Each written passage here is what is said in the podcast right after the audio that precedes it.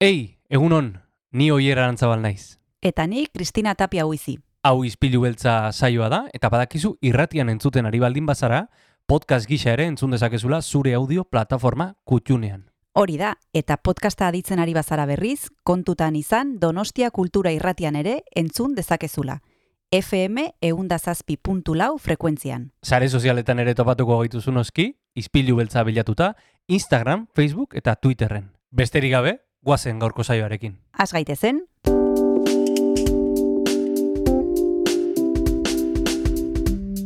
Ispilu beltza. Donostiako kulturaren berri, Oyer Arantzabal eta Kristina Tapia buizirekin. Egun honen zule urriak lauditu asteartea da, eta hementxe gaude Donostia Kultura Irratian. Zue prest?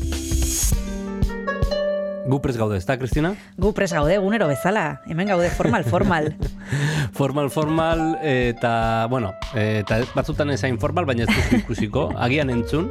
E, e, formal gaude, bueno, jende interesgarria daukagulako gaurko saioan. Hori beti izaten dugu gaurkoan ere bai. Gaurkoan James Roberts gonbidatu dugu, badekizue pianista e, etorriko zaigula Victoria Eugenia Antzokira aurriaren seian eskeniko du kontzertua, eta gu gaur hemen izango dugu izpilu beltzan, eta gainera, zinemari buruz hitz egingo dugu Kresala zinekuleko lagunekin, eta etorriko zaigu Janet Diez zinemaldiko balantzia egitera. Bueno, ze, ze saio puzka daukagun gaurkoan, eta saioari pipermin pixkat botatzeko Jon Gartziaren musika. Hori gainera. Eta horrekin hasiko gara, guazen gaurko izpilu beltzarekin. Guazen.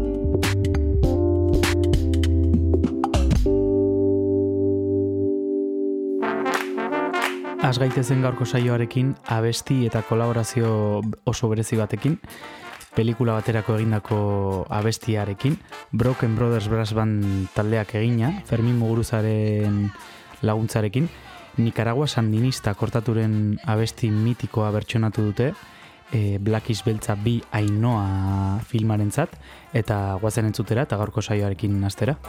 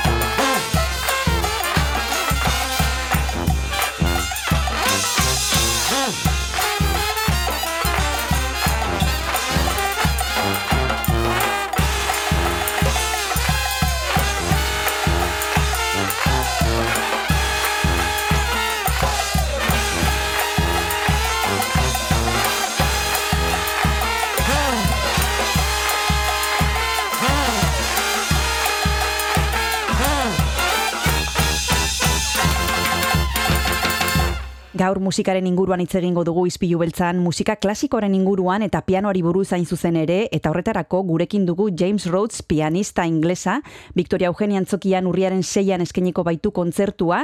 Egunon, James, ¿qué tal estás? Muy bien. Pianista inglesa, mmm, más española ahora, por favor.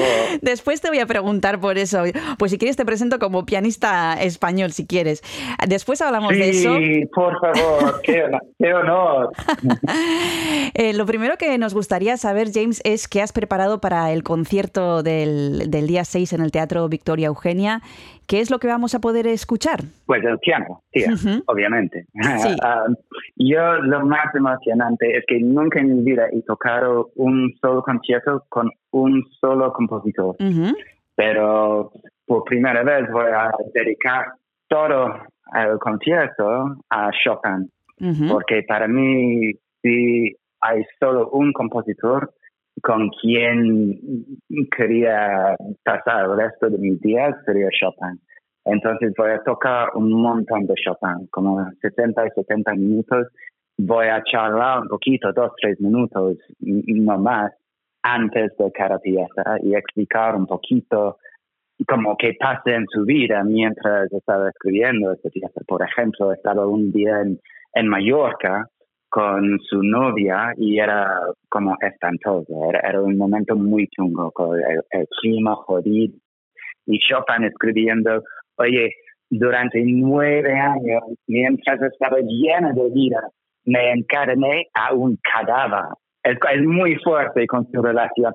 Y luego ocho minutos de rabia, como, es muy fuerte. Y puedes escuchar como las tormentas de, de Mallorca y de su corazón y también voy a tocar un, una sonata número 3 que dura más de 30 minutos. Y hay cuatro movimientos, cada movimiento un poco como un, capítulo de un libro. Y es una banda sonora. Y sabes que hay tan tantos pocos sitios ahora mismo donde, donde podemos irnos, escaparnos sin móviles, sin publicidades, sin los realities, sin las redes sociales y simplemente cerrar los ojos y escapar. Y por una hora y veinte, una hora y media, para mí es una forma de, es un poco hippie, pero una forma de meditación, ¿no? Decías, hablabas de Chopin, de los 70 minutos que nos vas a ofrecer eh, con su música. ¿Te ha resultado muy difícil seleccionar el repertorio, James? Ay, es, es la mejor parte de mi trabajo. Hmm. También lo más difícil, porque, no sé, imagínate, eres aquí y hay un director y dice, pues mira, tú vas a ser la protagonista y puedes elegir cualquier otro. Es como, uff, pues genial, hay tantas piezas. Y entonces yo he elegido mi, mi, uno de mis favoritos. Y cada uno tiene su propia historia y, y bueno, para mí lo importante es que también estos conciertos son como un, un trampolín hacia este mundo cerrado de, de la música clásica. Y si después hay gente y se va y están como un poco más interesados en Chopin, vivimos también en una época increíble donde como gratis podemos escuchar, escuchar cualquier pieza con nuestros móviles y todo. Entonces, para explorar y, y, y descubrir es algo muy bonito. Hmm. Hablas de trampolín hacia un mundo cerrado, el de la música clásica. Eh, muchas veces pensamos que es algo difícil y que solo eh, les compete a las personas que ya sabéis, como, como los intérpretes, por ejemplo, y que es algo sí, sí, que sí, no está hecho para, para la gente normal, entre comillas. Pues, ay, por favor, tengo una palabra, patrañas. ah, por favor. No, de verdad, sabes que hay, hay mucha gente dentro de este mundo que son como, quieren guardar estos sitios, conciertos, música, incluso la música, para un cierto tipo de gente, ¿sabes? Como dijiste, como los, los perdóname, pero es un poco verdad, como super pijo, con burja marí, con su traje y corbata, y van a donar por su, su banco, y pues no, la verdad es que solo necesitáis dos orejas y, y, y ya está. No, la música es la música. Yo da igual si es Rosalía o Sabina o, o Bach. Es como odio esta segregación, esta idea de que un tipo de música es mejor o, es más educado. No es un tipo de high art, ¿sabes? Arte alto. No, ni de coño. Es música para todo. El problema enorme es cómo se presenta esta música. Y ahora mismo la mayoría de veces es un poco como yendo a la iglesia para una misa, ¿sabes? Hay muchas reglas, cuesta un montón. Y lo que intento hacer con mis conciertos es como relajar un poquito. Yo he venido quiero con mi camiseta, hay adolescentes en el público, hay gente que nunca en su vida han ido a un concierto público. Todos están bienvenidos. Apagan las luces y, y ya está. Escucháis y, y descansáis y ahora más que nunca necesitamos este, este sitio. Mm. Supongo que también ayudará transmitir pasión por lo que estás haciendo, ¿no? Y eso mm, lo haces tú y supongo que se nota en el escenario cuando uno va a escuchar un concierto, ver que las personas que están encima del escenario eh, aman lo que hacen y transmiten esa dedicación. Eso también ayudará, ¿no? Sí, sí, claro, hablamos del duende, ¿no? Es un poco igual con el fútbol. Cuando miráis a Joaquín o Canales o, Messi, es como hay algo realmente apasionado en su manera de jugar. Y, y, también al otro lado hay, hay mucha gente como un poco como máquinas, ¿sabes? Que para mí es un poco aburrido. Y yo, la emoción es algo como un ex británico me cuesta, pero, pero, con la música es como es el fuente de todo para mí y es mi, mi, sitio seguro y para expresar. Y también hay algo muy bonito de compartir con mil personas una hora y media que nunca va a repetir. Es un momento en tiempo que va a des en nada y es dado muy bonito. Estamos hablando de música, hemos hablado de Chopin y yo te voy a pedir que nos propongas, James, una canción para compartir con los oyentes, algo que te apetezca escuchar. ¿Qué puede ser? ¿Qué, qué se te viene a la cabeza? A ver, esto es una buena pregunta. Um, ¿Tengo que elegir algo de cualquier genre? Como la música clásica? O... Sí, si estamos hablando de música clásica y queremos convencer a los oyentes de que se acerquen, por ejemplo, a tu concierto, vamos a proponer algo de música clásica. ¿Qué te parece? Vale, pues para mí hay una pieza maravillosa. Es un poco... Uh, es, es, no es, es, poco habitual tocar, es casi olvidado. Um, es por un compositor se llama Gluck y es una melodía de Orfeo y Eurídice, su ópera es una transcripción para piano y es algo, sabes que yo he grabado esta pieza y de repente, no sé por qué, pero en Spotify hay casi 30 millones de plays con esta pieza de la música clásica escrita hace 200 años, ¿sabes? Es, es algo nunca ha sido más vivo hoy, um, este tipo de música, y hay una razón por eso. Entonces, cerrar los ojos, escuchas la pieza y desaparecer durante cuatro minutos y vas a agradecerme, te lo juro. Perfecto, pues vamos allá.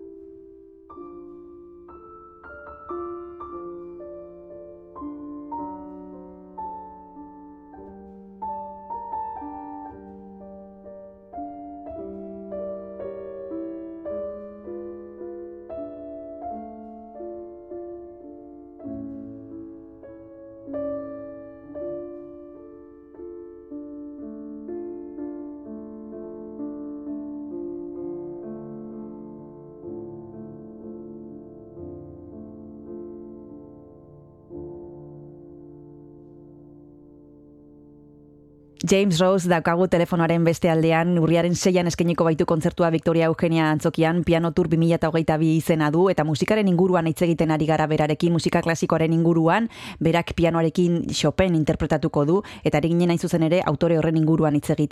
Estábamos hablando de este autor que decías que es tu favorito. ¿Por qué es tu favorito? ¿Cuáles son las características de Chopin que más te gustan? Convéncenos de que nos pongamos Chopin cuando termine esta entrevista. Pues para mí no hace falta convencer a nadie, escuchar y ya está. Es como el tío estaba tan, hay tanta pasión, estaba tan romántico, eh, como muy, un poco ah, difícil, complicado. No sé, con sus relaciones, estaba muy como...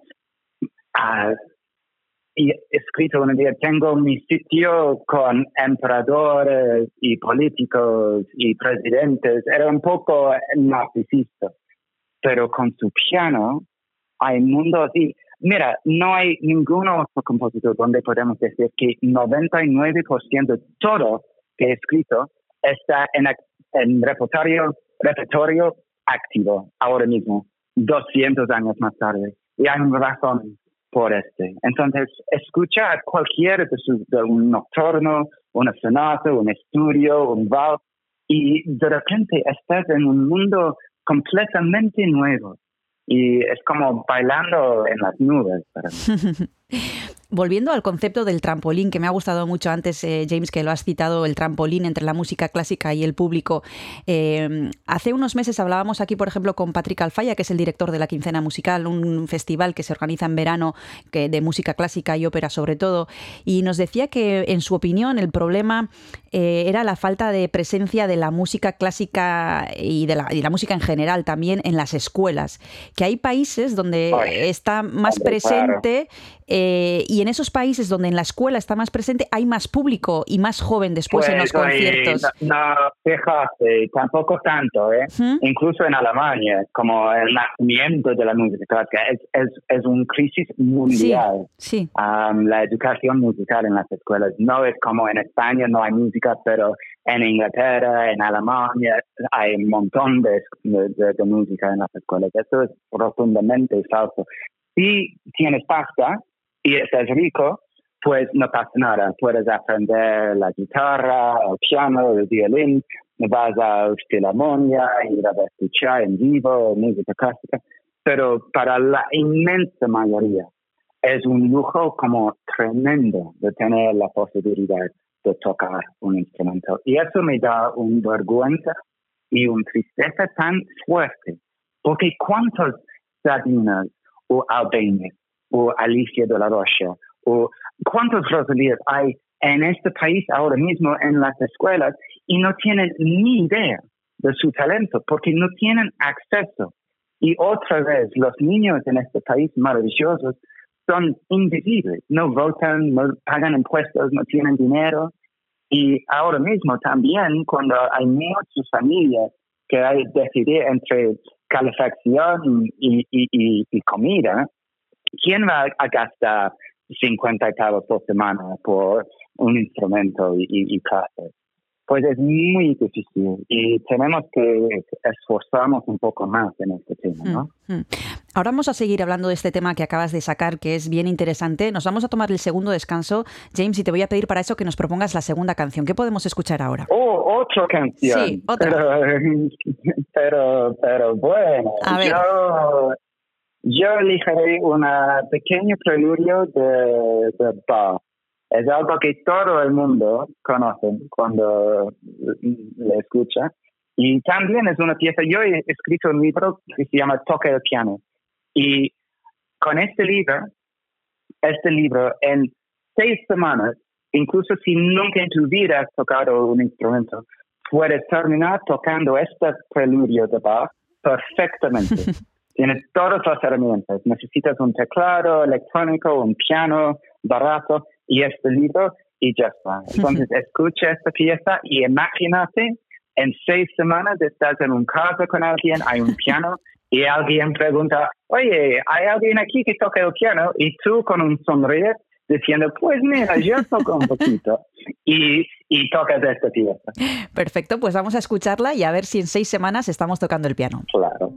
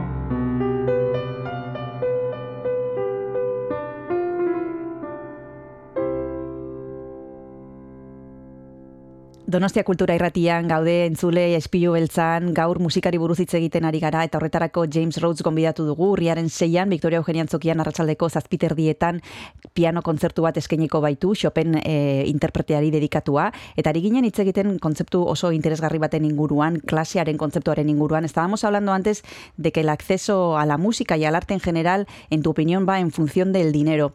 James nunca has tenido problemas en opinar de este tipo de cuestiones en las que a veces la mayoría de los artistas no se meten, eh, no tienes problemas en, expresar tu opinión. No sé si alguna vez te has arrepentido de, de eso, Cada- de decir lo que piensas. Cada día. Yo ahora, que me da mucho tristeza, entiendo perfectamente cuando, por qué hay tantas famosas que se callan. Se callan sobre cualquier cosa. Literalmente pueden ver la extrema derecha como a tope diciendo barbaridades y se callan.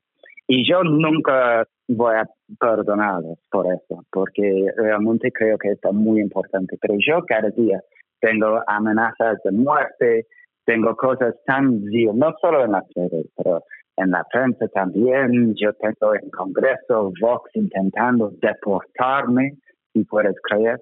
¿Y para qué? Lo único que hice era intentar conseguir una ley de protección infantil y hemos conseguido. Y ahora España es el país número uno en el mundo, es un, referente mundial en el bienestar de los niños. Y a pesar de este, tengo toda la derecha diciendo, oye, puto gilipollas de, mierda, rojo". es como son nuestros niños, están perfectamente alzados, que es rotundamente falso.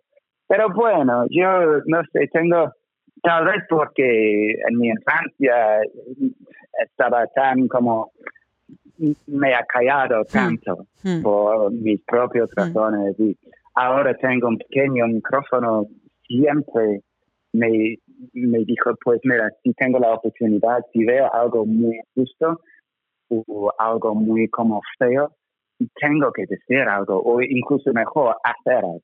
Por eso he conseguido la ley de infancia, por eso estoy empezando con una fundación en mi nombre para pagar para a psicólogos, psiquiatras, para adolescentes con trauma emocional. y- Porque si no, Mm. ¿por qué estamos aquí? Está claro que estás decidido, eh, James, pero yo no sé si alguna vez has sentido miedo. Comentabas antes que no solo los ataques se, se producen en las redes sociales.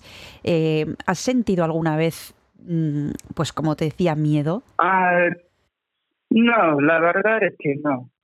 Porque yo sé perfectamente que yo no hice nada mal. Ah, obviamente he cometido errores, pero ya he publicado todos estos errores en mis Hmm. libros y es que no hay, no hay nada de esconder. Entonces, bueno, ah, físicamente no tengo miedo porque ninguna vez en la calle he recibido algo feo. De hecho, al revés. Entonces, detrás de una pantalla, la gente son muy fuertes y muy valientes, pero cara a cara están como dulces de leche y, y, y ya está. La prensa a veces se pasan tres pueblos, pero eso es normal, no solo aquí en, Inglaterra, pero lo- lo- los tipos como Inda y Ferreras me dan poco, no, no miedo, es más como vergüenza ajena, ¿no? Es como, en serio, vivimos en el mejor país del mundo y vas a publicar esta mierda para manipular, pues no. Celebramos nuestro país, unificarnos un poquito más. Ya hay tanta división, Mm. ¿por qué? Hablabas al principio, y me gustaría terminar con esto, James, de, de- de que no te gustaba que te hubiera definido como, como inglés y tú mismo te has dicho, te has definido como ex británico. Eh, ahora que ya has pasado tu fase de ver España como un turista, ¿no? Como quien llega de nuevas, ahora que ya llevas tiempo aquí, eh, ¿qué ventajas? Deep Spain. He visto el España profundo. Eso es, has visto la España profunda. Eh, ¿Qué ventajas y desventajas también eh, le ves, eh, comparando sobre todo con Inglaterra, que es de donde procedes? Ay, tío, esta es como para tres horas. de no, no, no, en serio. ¿Alguna vez has ido a, a Londres? La ciudad más sucia, más cara, con la comida de mierda, con clima feo, con la gente muy estresada, muy grosera. Y aquí es, es como todo está mejor. El ritmo de la vida, la, la, la bondad de la gente, la, el, tantas cosas, millones de cosas. Um, eh, mi último libro se llama Made in Spain y es un caso de amor hacia España. Porque, mira, claro, Reino Unido para un fin de es maravilloso. puedes irte a Buckingham Palace, puedes ir a un teatro, pero más allá de dos, tres días, uf, es una selva, te lo juro. Es racista, es feo, es muy... Ay, no, odio. Y por eso soy gato ahora en Madrid, soy, soy español, por favor. Hmm. Bueno, pues nosotros invitamos a los oyentes que puedan ir a Londres a pasar un fin de semana, como dice James Rhodes, pero sobre todo que vayan al Teatro Victoria Eugenia a escucharle y a verle el, próximo 6 de octubre a las 7 y media de la tarde con su piano tour, que nos va a interpretar 70 minutos, si no son algo más, de Chopin, que hemos tenido la ocasión de, que, de que nos lo desgrane aquí. Muchísimas gracias. De hecho, tengo, tengo, no, nada, es que rápidamente tengo un poco de miedo en San Sebastián porque cada vez toco ahí, tanta gente me dice de antemano, oye, cuidado con San Sebastián porque es un público muy, muy, muy culto. Ah. Saben todo, de, de, arte, de la música, y me siento un poco como en la escuela, en un examen, como, como profes en el público. Pero bueno, vamos a disfrutar a tope y luego voy a comer pinchos hasta que estoy más rechoncho que nunca. Bueno, pues que disfrutes de la ciudad. Nosotros te disfrutaremos a ti. Muchísimas gracias por haberte acercado a Donostia Cultura y Ratía. Un abrazo muy fuerte y hasta la próxima. A ti, hasta la próxima. Chao. Agur.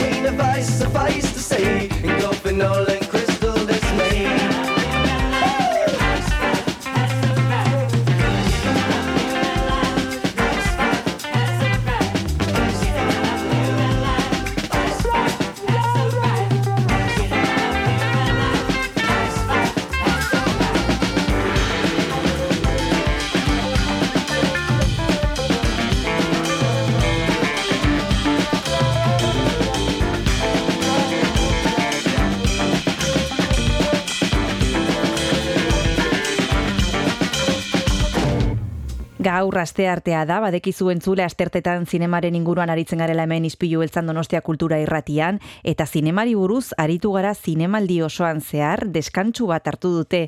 Kresalako lagunek, baita guk ere hartu dugu, e, ze badekizue e, iaz e, ze badekizue joan den asteko asteartetan ez genuela saiorik izan, baina orain, hemen daukago gurekin, Kresala Zineklubeko Janet Diez. E, egunon, Janet, zer modu zaude? Ba, egunon, e, ba, ondo, ja deskansatuak eta ja, bueno, gure saioekin asteko gogotxu. Bueno, no zer moduz joan da zinemaldia, Janet. Egunero izan dugu Kresala Zineklubeko kide bat gurekin, e, zu besteak beste e, ba, komentatzen egunean ikusten zenitu duzten e, pelikulak, zer moduz joan da zinemaldia? Ze balantze egiten duzu? Ba, niretzako oso ondo joan da, egia da ez dela ba, beste urte urteekin konparatuz e, hobeto izan, baizik eta niretzako ba, berdintxo ez, ibilidia e, film guztiak. Baina, bueno, ondo jun da, eta egia da, ba, hortikan barri bitxiak, ero, bueno, goza politak ikusi ditugula, bai. Bi urte pasa ondoren normaltasunera itzuli da zinemaldia, badekizue iaz eta duela bi urte, ba, zinema aretoetan e, zegoela hainbeste jende, aforoak e, ba, murriztuta zeudelako, aurten normaltasun osoz eta musikorik gabe itzuli gara zinema aretoetara, eta hitz egin behar dugu Janet Diezekin, ba, berak ikusi dituen pelikula batzuen inguruan balantze moduko bat, egingo digu berak, jakiteko zer gustatzu zaion, eta bueno, komentatzen zuen, orain grabatu hasi baino lehen, e, ba, pelikula pila bat ikusi dituela Janetek. Zenbat ikusi dituzu gutxi gora bera kontatzen aldituzu? Ba, e, bai, gutxi gora bera jakiteko zenbat, bai, e, nik uste te oantxe bertan buruz kontatuta hogeita zazpi inguru Wow. ikusi diturala, bai, dokumenta labur pelikulen artean, bai, hogeita zazpi inguru. Bueno, ba, hogeita zazpien artean, e, Janetek gaur hitz egingo digu lau pelikulei buruz, eta guazen e, kontatzera, Janet, aukeratu duzun lehenbizikoa zein den eta zergatik aukeratu duzun. Ba, aukeratu deten lehen bizikoa Jon Sun e, filma da, e, koreatik datorrena, bere zuzendaria Jon Ji Ye, da, eta, bueno, asko gustatu zitzaidan, e, zuzendari berrien saian e, jarrita zegon, eta, bueno, kontatzen digunara, ba, nola, e, ba, emakume heldu batek, ba, e, erlazio bat e, hasten du gizon batekin, e, lanean ezautzen duen gizon batekin, Eta momentu batean, ba, argazki intimo batzuk, edo argazki bideoa uste zera zehazki, ba, gizon honek ba, beste lankirekin konpartitzen du, ez? Eta egoera hori ba, nola irurikatzen duen zuzendariak ikusi genuen filmean. Eta niri asko gustatzen zaiz, e, bueno, asko gustatzen da, zaidan filmara, ze alako egoerak eta alako situazioak ba, beti ezagutu dugu ba, jende gaztean, ez? E, bideo eta film horiek konpartitzea eta nola e, zuzendariak e, begirara jarri duen heluan, ba, oso ondo dago, benetan. Bai, pelikula honen inguruan aritu ginen bai Paul Ormaetxearekin eta bai Pedro Saldañarekin, ustez eta oker ez banago buruak ez badite e, faiatzen beraiei asko gustatu zitzaien pelikula hau, Jeon Sun, e, Jeon Ji Ie da e, zuzendaria, esan bezala e, zuzendari berrien atalean ikusteko aukera izan genuen, kore, ego koreako pelikula da. E, gustatu zaizu historia, beraiei ere gustatu zitzaien, nik ezakit aukera izango dugun ikusteko berriro hemen e, zinema arruntetan, janet, zeirutzen zaizu pelikula hau iritsiko zaigu? Ba, espero de bai ez, e, berri ikusteko gogoa dakat, esan beharko ez. Bai, e, gaina e, sorte aukin nun, eta aretotik aterata, bantzegon zuzendaria eta Mm. aktoreak, eta ezagutzeko aukera izan nun, eta oso majoak zian, eta bai esan dakoa berriro ikusteko gogoa dut, que espero de bai, norbaitek ekartzea. Bueno, epuntatuko dugu Jeon Sun pelikula, Ego Koreako pelikula. Tarte bat hartu behar dugu, Janet, eta badekizu hortarako e, abesti bat eskatu behar dizu dala entzulekin partekatzeko. Zer pentsatu duzu, deskantzontarako? Ba, e, karrireten abestia e, Kolombiatik dator, e, nola film e, oberen, oberan, oberenaren saria e, Kolombiako film batek eraman nun, ba, bere omenez, e, Morat taldearen aprenderak ererte abestia aukeratu dut. Guazen entzutera Los Reyes del Mundo pelikulari omendutako abestia, e, Morat, guazen entzutera.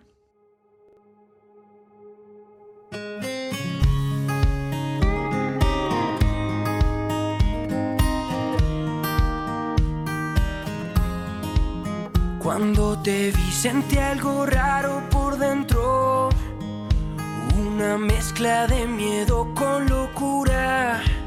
Y tu mirada me juro que si te pierdo, habré perdido la más grande fortuna. No sé nada de tu historia ni de tu filosofía. Hoy te escribo sin pensar y sin ortografía. Para aprender a quererte, voy a estudiar cómo se cumplen tus sueños. Voy a leerte siempre muy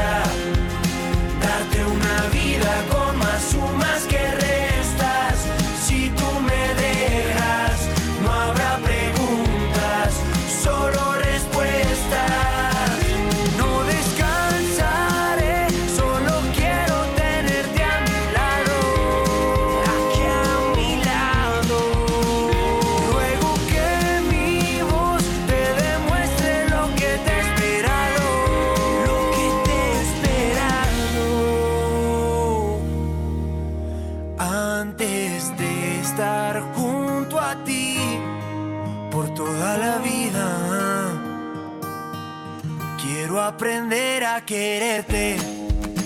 Quiero estudiar cómo se cumplen tus sueños.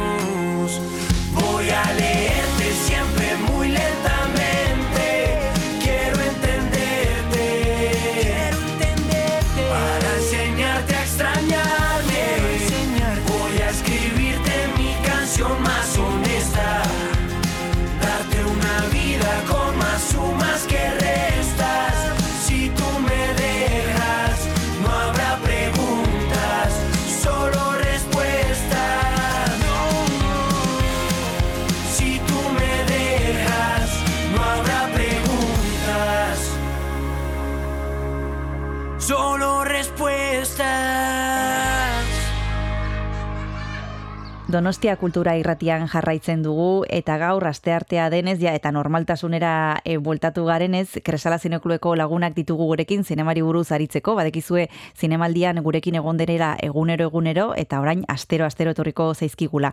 Janet Diez gonbidatu dugu, ze ez dugu izan astirik e, balantzea egiteko zinemaldiaren inguruko balantzea eta berarekin hitz egiten ari gara, ba, film batzuen inguruan e, oraintxe bertan hitz egin dugu zuzendarar berria taledan dagoen John Sun pelikulari buruz Eta bigarren filma, zein izango da, Janet, zein azpimarratuko zenuke? Ba, aukeratu dut roleles, ero bere izenburu originala, Miyamatsu Toya Mashito, Eta film hau e, gaina ikusi nun Pedro eta Paulekin areto eta saio berdinean eta tea ginenean irurok esan genuen hau ondo dago.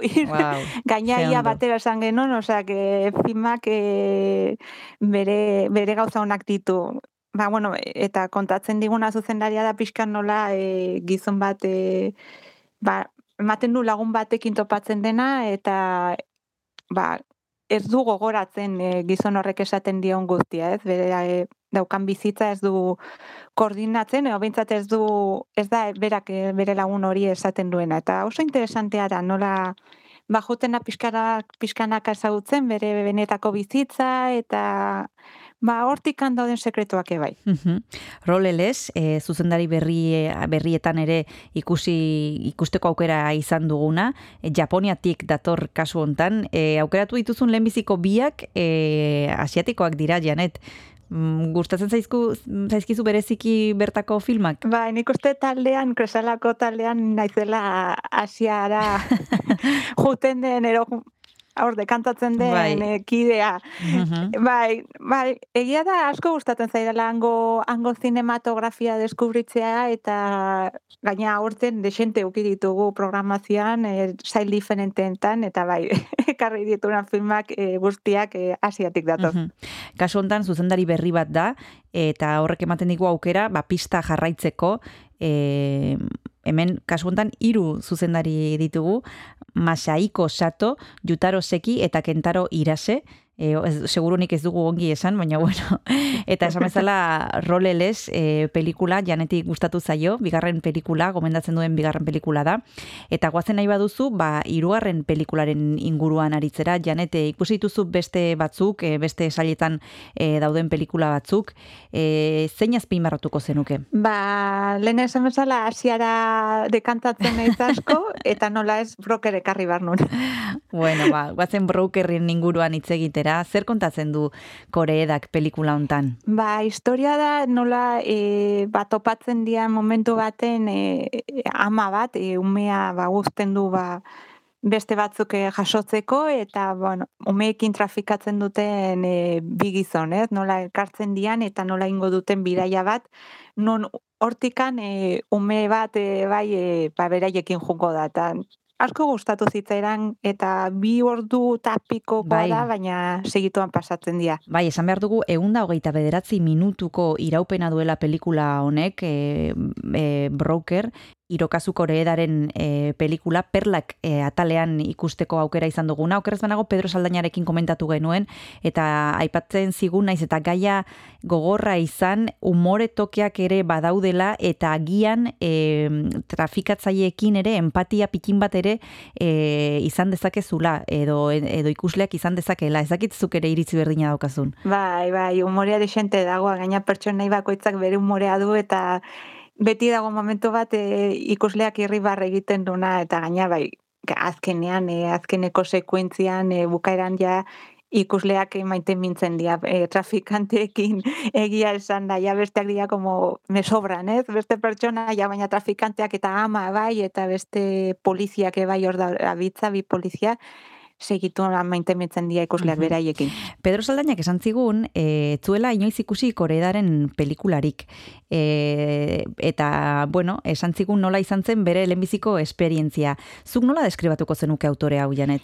Ba, autorea hau niretzako, e, bueno, gaia beti ber, ia berdina du, Mhm. familia inguruko Mhm. arazoak, ero, bueno, Mhm. relazioak e, komentatzen dirugu, eta nik uste honekin pauso bat aurrera eman du broker filmarekin, Zeka, bera Japoniako zuzendariara, Japonian, e, e, Japoniako historiak ezagutu ditu orain arte, eta apatean ego koreara junda, ego koreako produzio batekin, eta ego koreako aktorekin, ez? Eta nik uste gaina familiako gaia hor dago, egia da, baina pixka taratago juten da, ez? E, nik uste orain arte ba, orol familia ezagutu ditugu, eta orain ba, beste eratako familia ezagutzera ekarri digu.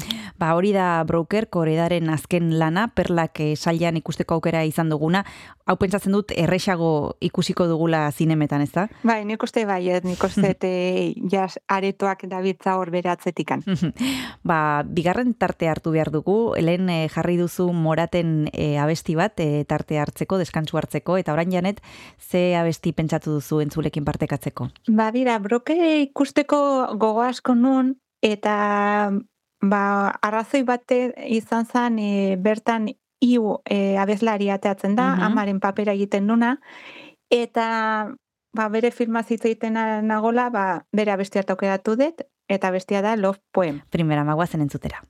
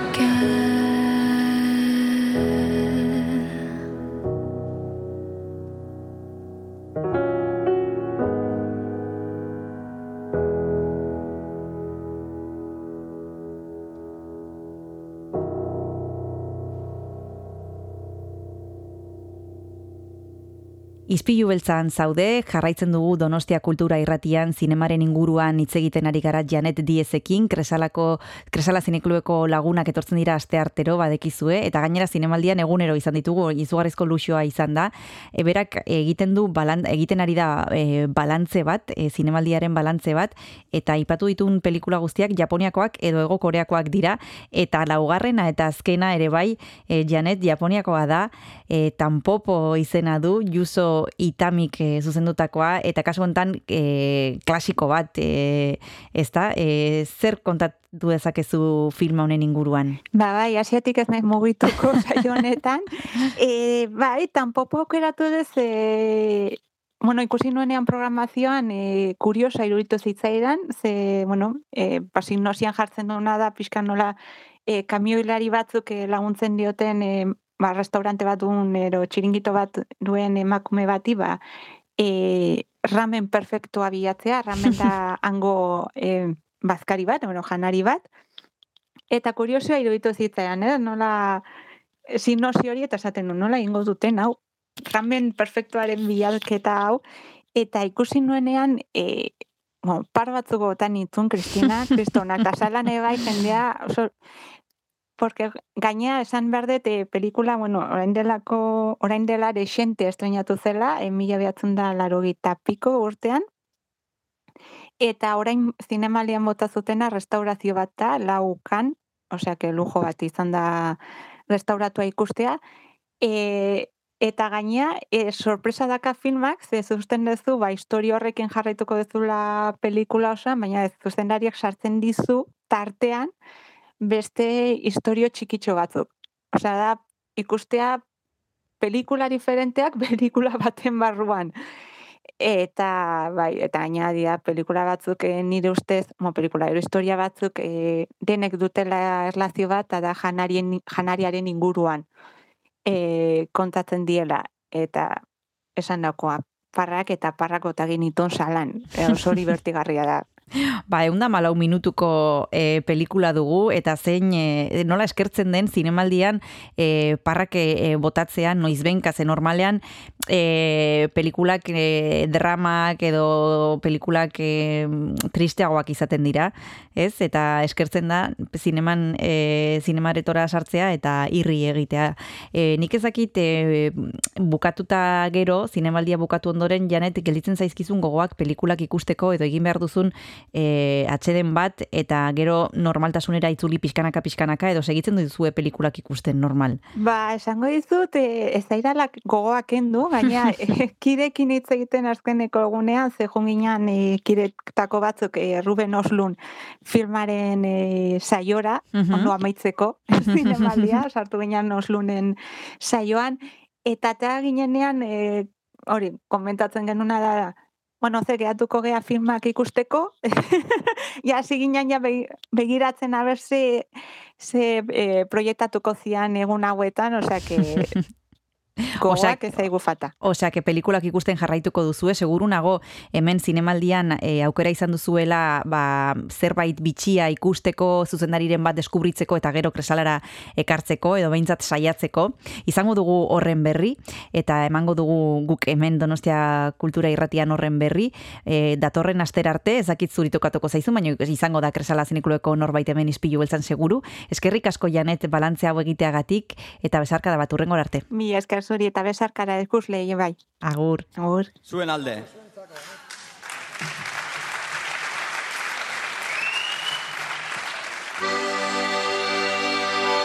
Guzti zitsuari nintzen jartzen Historiaren tabernan Gizton emaztek Aurrala gaztek Zeinek ardo gehiago edan.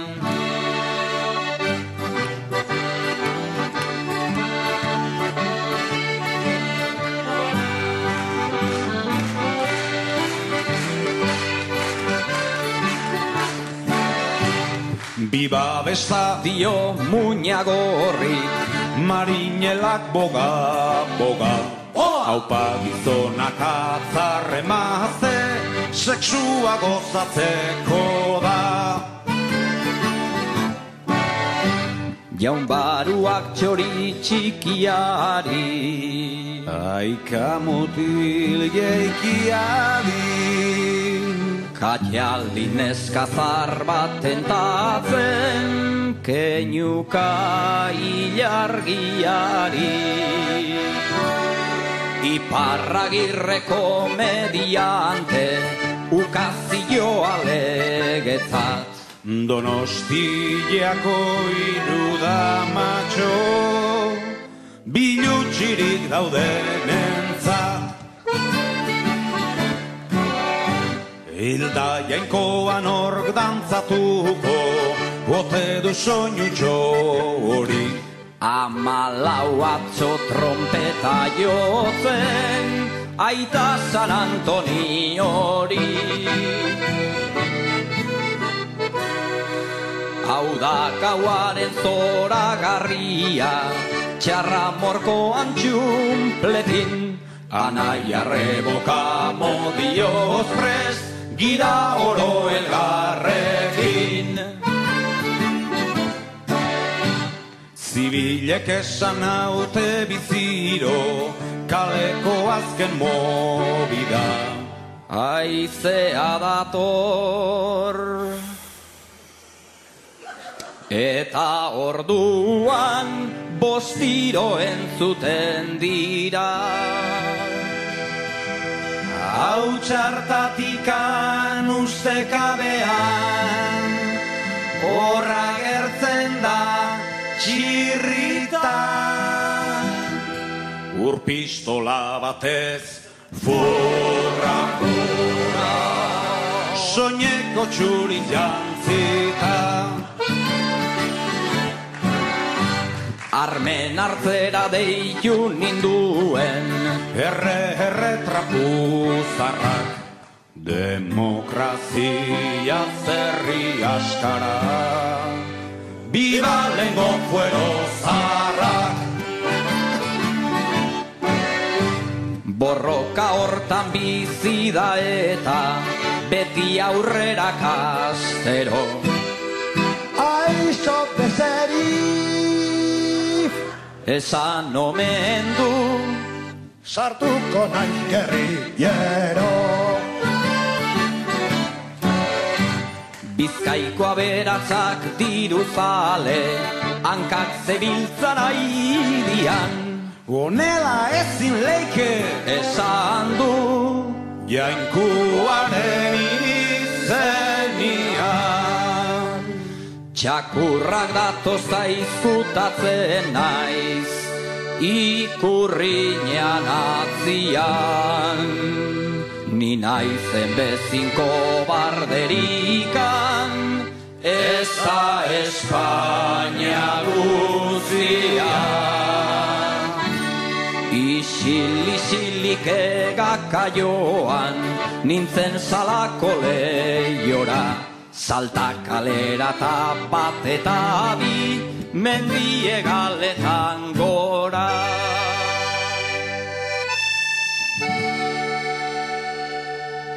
Izarren salda urdina edan da Zezen gorrita akerbeltz. Burua galtzen ari naiz eta Ez ez du nahi Ez ez du nahi ez ez ez ez. Loretxoari begira ume eder bat ikusi nuen gero beste, beste bat, ta beste bat. Inguratuan nengoen Basandereak erantzun zidan. Horai dugu forogatu Opetik poet bihotz nerea Aurrorrek aitazu zaitu Zerbait eman nazeskatu nion. Umetxo askan azazu Libre izateko naiz jaioa Parisera banuazu Azken arnasa eman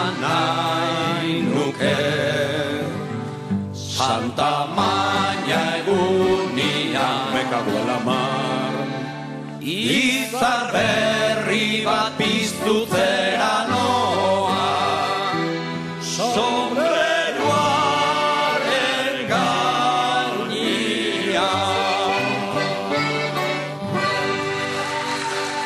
Amaitu dugu aste arte, amaitu dugu urriaren laua, eta bihar asteazkena gauza gehiago izango dugu hemen Kristina, Donostian kultura ez delako gelditzen. Bai, bihar saio berezia izango dugu, ze zirkoari buruz hitz egingo dugu. Oier, normalen ez dugu disiplina hau lantzen, eta oso bitxia izango da, eta horretarako gorbidatu dugu Fabrizio Janini, nuie ikuskizuna ekarriko baitu gaztezenara, urriaren sortzian, eta guk hemen gehiago ikasiko dugu zirkoaren inguruan. Gustora asko entzungo dugu eh, zirkoaren inguruan, ez dakizu Kristina, baina ni txikitan oso zalean nintzen, eta eta tira, bueno, asko aldatu dira zirkoak ere ordutik Bai, gaur arte. bera kontatuko digu, eta deskubrituko dugu zirkoa ez dela umentzako bakarrikan. Ez uh, umentzat eta ez hain umentzat ere badela.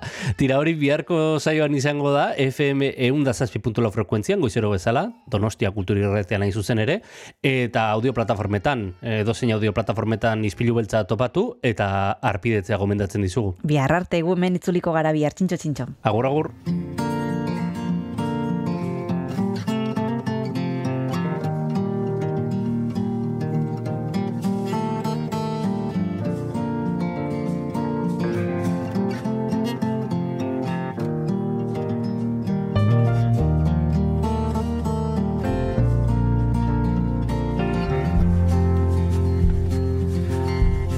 Is how I tell it.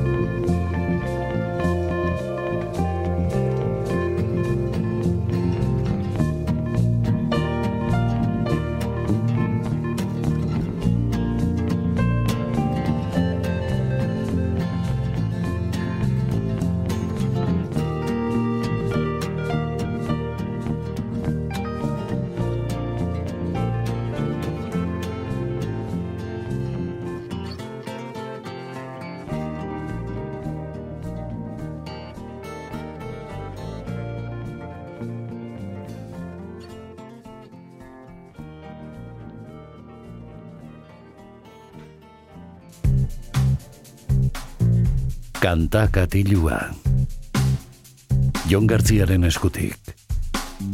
Kaixo entzule ongietorri izpilu beltzaren amaierara, musika entzuteragoaz, e, gaurko programari amaiera mateko, eta ohiko egiten dugun moduan disko bat entzuteragoaz.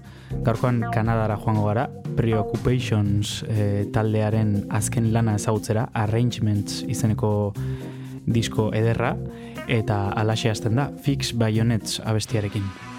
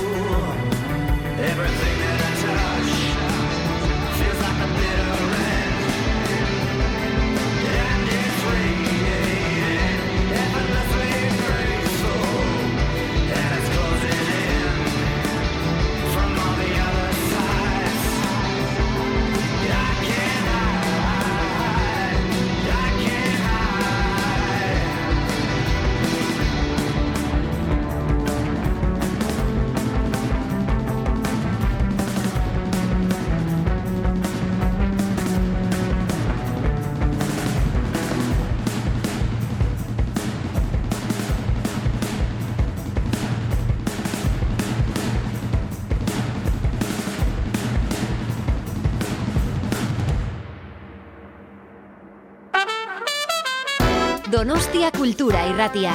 Eun eta zazpi puntu lau.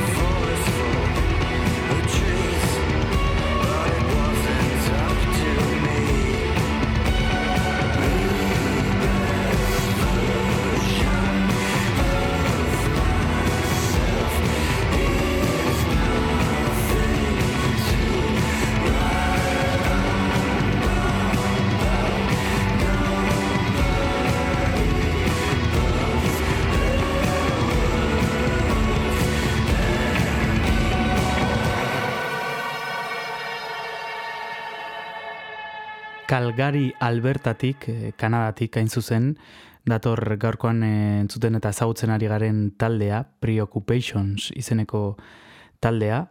2000 amabian sortu zuten taldea Viet Cong e, izenaren pean, baina izen honek ba, tira, ez da handia sortzen zuen eta batzuetan e, taldeari e, arazoak eman zizkion. Eta beraz e, aldatzea erabaki zuten Preoccupations e, izenagatik diskoa ere argitaratu zuten izen berarekin eta geroztik e, irugarren diskoa da gaurkoan entzuten ari garen Arrangements e, disko ederrau. Guazen e, entzuten eta ezagutzen jarraitzera gaurkoan e, Donostia Kultura Irratian entzungo guna bestia da Slowly.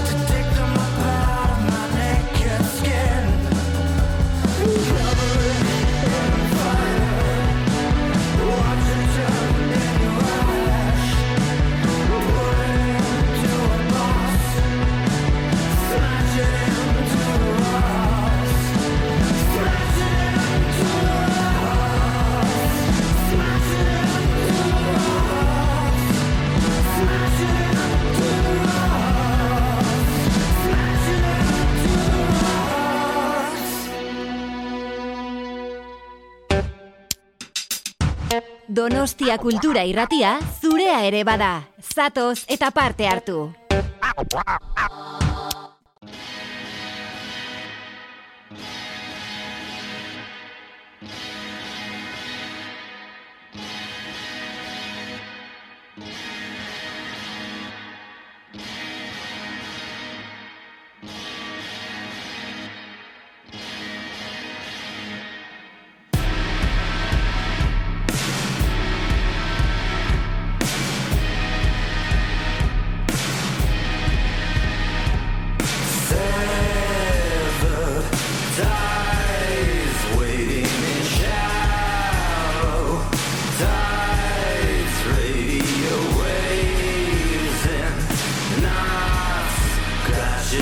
Tangled thoughts. Connections been used so much, it's falling apart.